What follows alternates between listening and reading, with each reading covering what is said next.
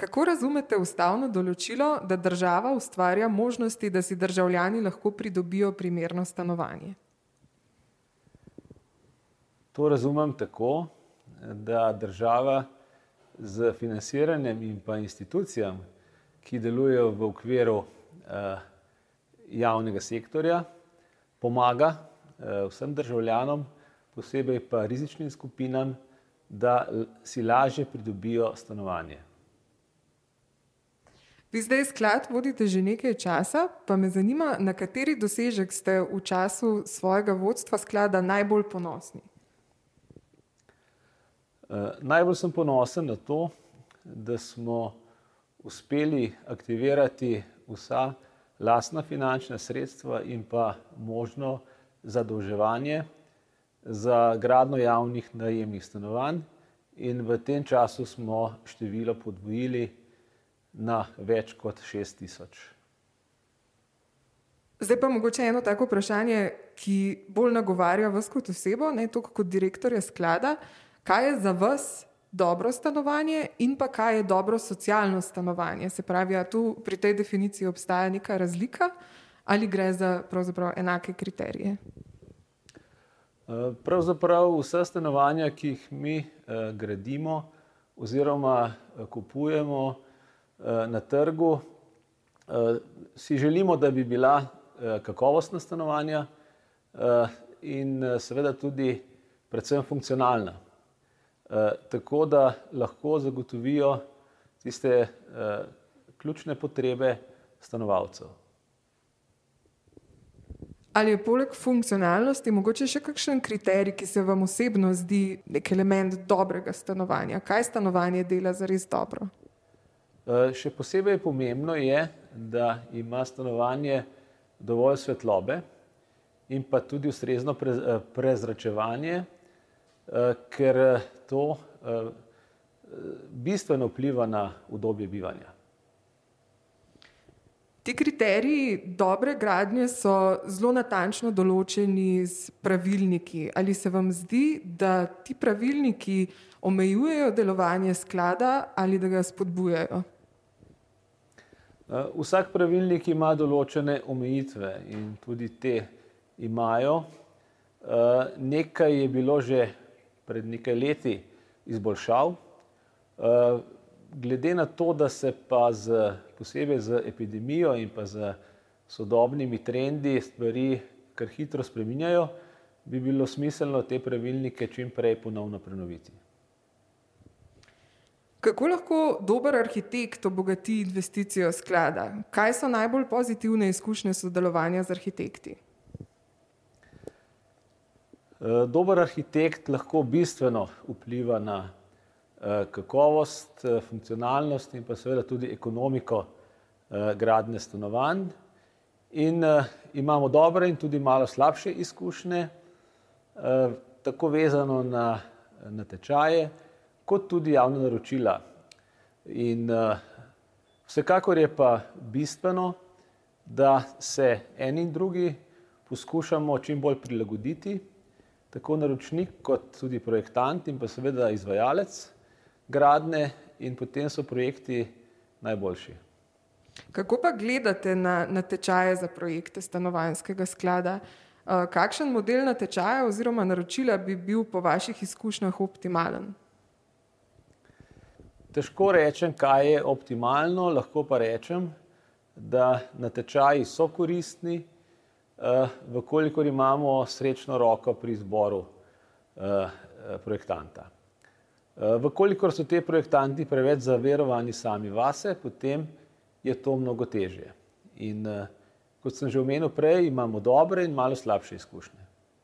Ali se vam zdi, da je dobro, da se znotraj organizirane stanovanjske gradnje gradi čim več različnih tipologij?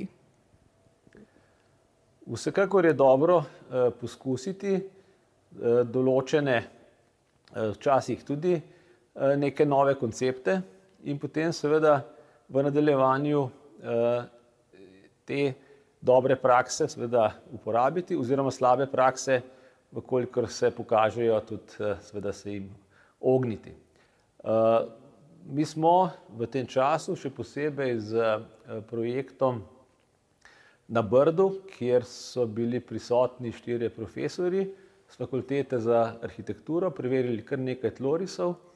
In recimo ravno na tlorisu enoprostorskega stanovanja, mislim, da je bil dosežen največji napredek in to smo uporabili tudi pri gradnji eh, sosedske Novo Brdo.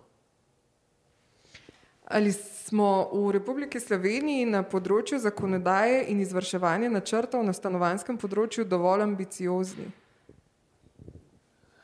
Dovolj, verjetno nikoli. Eh, vedno so še eh, priložnosti za izboljšave.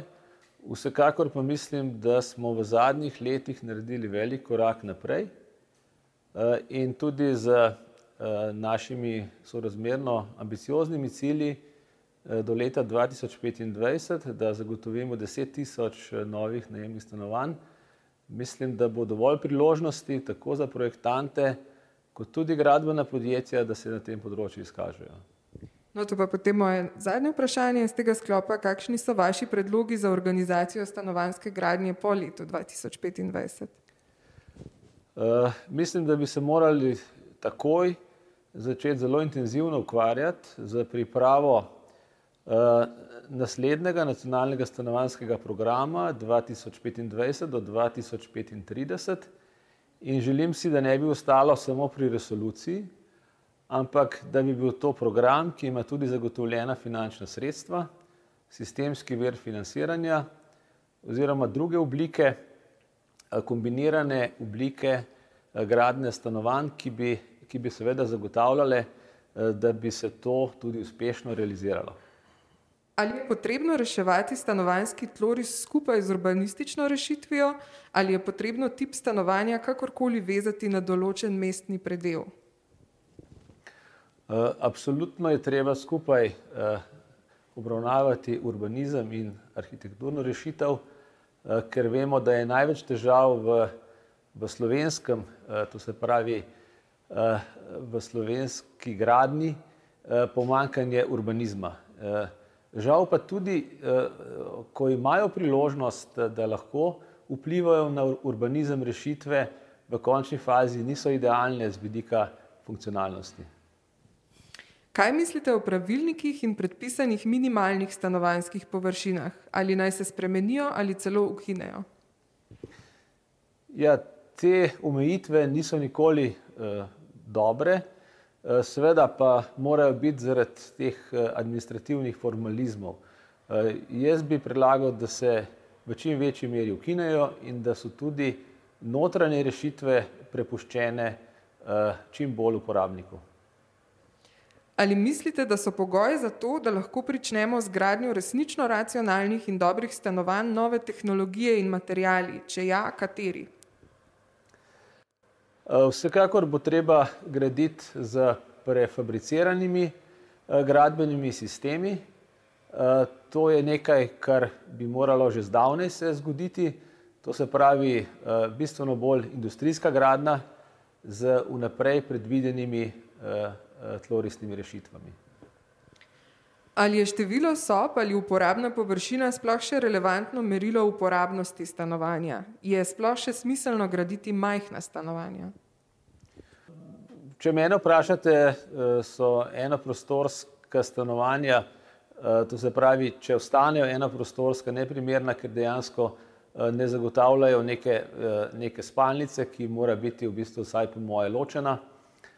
Vsekakor je pa to, bi prepustil to uporabniku in z enostavnimi montažnimi predeljnimi stenami se te stvari lahko eh, rešujejo. Skladi imajo omejena sredstva. Ali je v času stanovanske krize po vašem pametneje ta sredstva vložiti v gradnjo večjega števila zasilnih ali manjšega števila bolj kvalitetnih optimalnih enot?